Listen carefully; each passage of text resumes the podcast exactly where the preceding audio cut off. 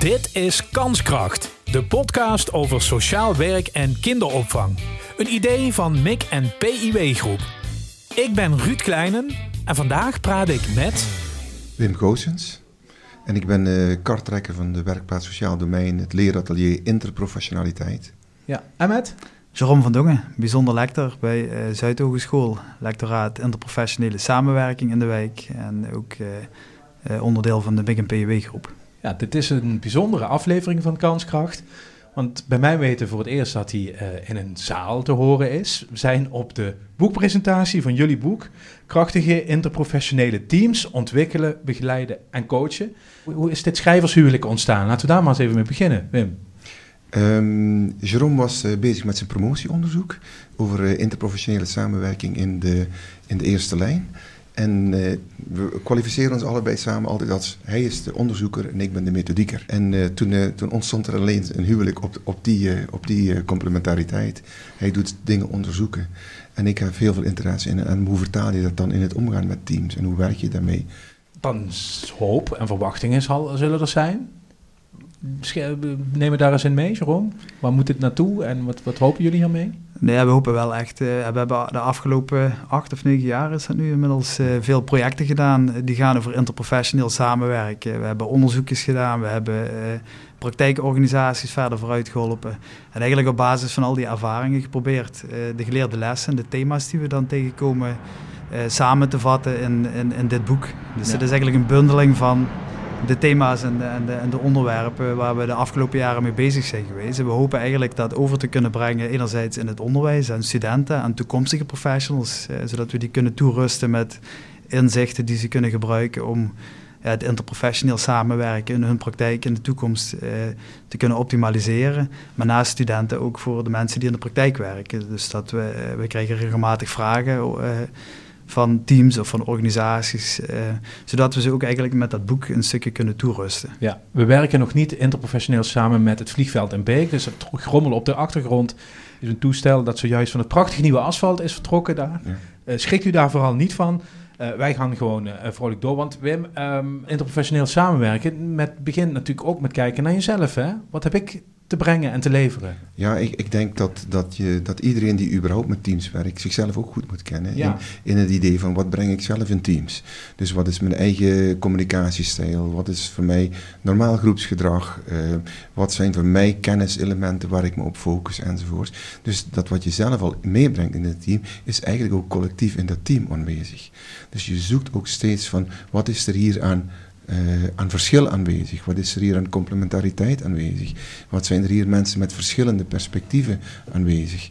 En dat is ook waar, waar, waar wij eigenlijk de kracht vinden van die interprofessionele samenwerking. Dat je al zoveel aanwezig hebt in een team. Als je dat goed met elkaar leert te benutten, dan krijg, krijg je een veel betere output en een veel betere uh, werk en een hoger doel noemen wij dat.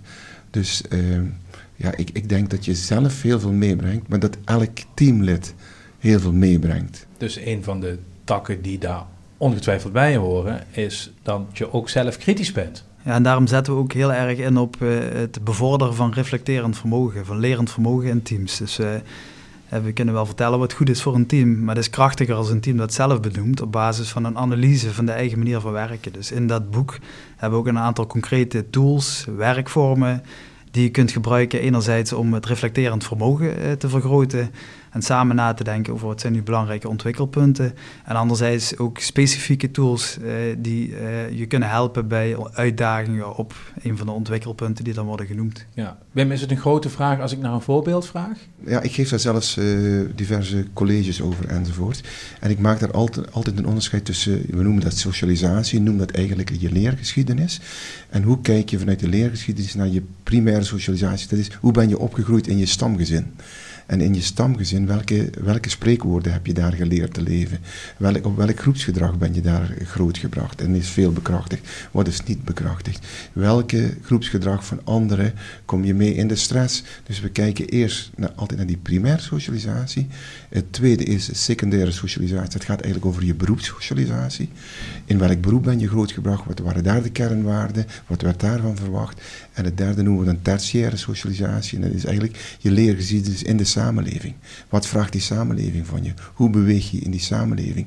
En door die drie, uh, drie uh, socialisatieaspecten uit te lichten met mensen die, die interprofessionele teams hebben, leren ze ook heel veel over zichzelf.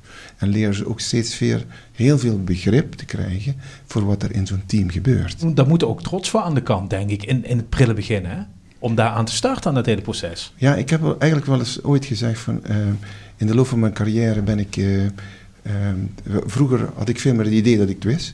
En ondertussen heb ik veel, steeds meer het idee dat ik het niet weet of dat het voorlopig is wat ik weet. En dat brengt net, dat verkennen met teams, brengt net opening voor dialoog. Dus eigenlijk die, die, die, dat, dat niet weten of dat onder voorbehoud weten, is volgens mij veel krachtiger als je naar een team toe gaat dan dat je er naartoe gaat met ik weet hoe het goed voor jullie is. De, de opdracht van het boek, en ik denk daardoor dus ook het hele boek, heeft een hele positieve insteek. Hè? Het is opgedragen aan het geloof in de kracht van verschillende perspectieven, diversiteit en complementariteit. Ik hoor hier wel een beetje de praktijkman, of niet? Kan jij, kan jij hier ook volmondig achter gaan staan? Zeker, ja. ja theorie maakt soms zo somber, Jerome, denk ik wel eens. Ja, dat zou je kunnen zeggen, ja. Nee, dit is wel echt een quote uh, van Wim, maar ik sta daar voor de volle 100% uh, achter. Ik zie gewoon hoe belangrijk die complementariteit is en hoe belangrijk het is om verschillende perspectieven, expertises, uh, disciplines samen te laten komen. En zeker als je kijkt naar de uitdagingen waar wij als, ik noem dan even de, de, de provincie of, of Zuid-Limburg voor staan, hè, de regio-uitdagingen je zult moeten samenwerken, interprofessioneel, en ook die, die, die, die expertises met elkaar moeten verbinden om uh, de echte transformatie te kunnen realiseren. Laten we eens even hier dromen over dit boek. Wanneer is dit voor jullie persoonlijk echt een succes? Is het dan ergens genoemd? Is ligt het bij iemand op het bureau? Hoe staan jullie daarin? Wat, wat droom je van met dit boek? Ja, ik vind eigenlijk eh, ik vind het nu al een succes hè, dat we in dat schrijven samen. Hè, we hebben mooie artikelen geschreven, maar het was altijd onze wens om samen een boek te schrijven. Dus voor mij is het nu al uh, succesvol met het, uh, ja, het kunnen publiceren van een boek. Ja. Maar dat is natuurlijk niet waar je het voor doet. Hè. Je probeert echt impact te maken in het onderwijs. Ja. Hè. Dus we hopen echt ook studenten. Um, te kunnen rusten en ze te kunnen inspireren voor interprofessionaliteit, maar ook beroepskracht in de praktijk. En als dat lukt en over een aantal jaren mensen uh, ons uh, vertellen dat ze door ons boek geïnspireerd zijn geraakt of hun eigen werkwijze hebben kunnen verbeteren, dan denk ik dat we de impact uh, te pakken hebben die we graag zouden willen. Ja, en voor mij zit naast al dat naar de professionals en de organisaties en de beleidsmakers, dat, die, daar ze, dat ze het eigenlijk, als ze dat als een inspiratiebron me, zien, dan ben ik al tevreden. Maar in die quote zit eigenlijk ook wel een maatschappelijke boodschap die, die, we, die ik, die we hebben willen geven, is eigenlijk dat geloof in die kracht van verschillende perspectieven, dat geloof in die kracht van die complementariteit, dat geloof in die kracht van de uh, diversiteit. In mijn optiek, in onze optiek, is dat ook iets wat de samenleving nodig heeft. We polariseren heel erg op verschillen. En we willen eigenlijk een quote geven die ook een sociaal-maatschappelijke betekenis heeft, waar het gaat om uh, hoe kunnen we mensen helpen verbinden? Hoe kunnen we mensen laten zien dat je, ook al ben je anders van cultuur, dat je aanvullend op elkaar bent? Hoe kunnen we zorgen dat we met z'n allen vanuit meerdere perspectieven kunnen blijven denken? Dat boek is dus het boek naar interprofessionele uh, samenwerking, maar is tegelijkertijd ook een maatschappelijke opdracht aan ons allen volgens mij. En dat, dat, ik zou wel uh, ik zou wel heel blij zijn als die maatschappelijke opdracht van dat geloof in die diversiteit, verschillende perspectieven en complementariteit, als dat overgenomen wordt. Ja, we zijn er nu eigenlijk niet. Hè. Dit is vooraf opgenomen. Maar uh, we gaan uh, de zaal toch gewoon nu laten applaudisseren. Dank jullie wel. Dank je wel. Dit was Kanskracht, de podcast over sociaal werk en kinderopvang. Een idee van MIC en PIW Groep. Reageren en jezelf aanmelden als gast? Dat kan. Je vindt een contactformulier in de show notes.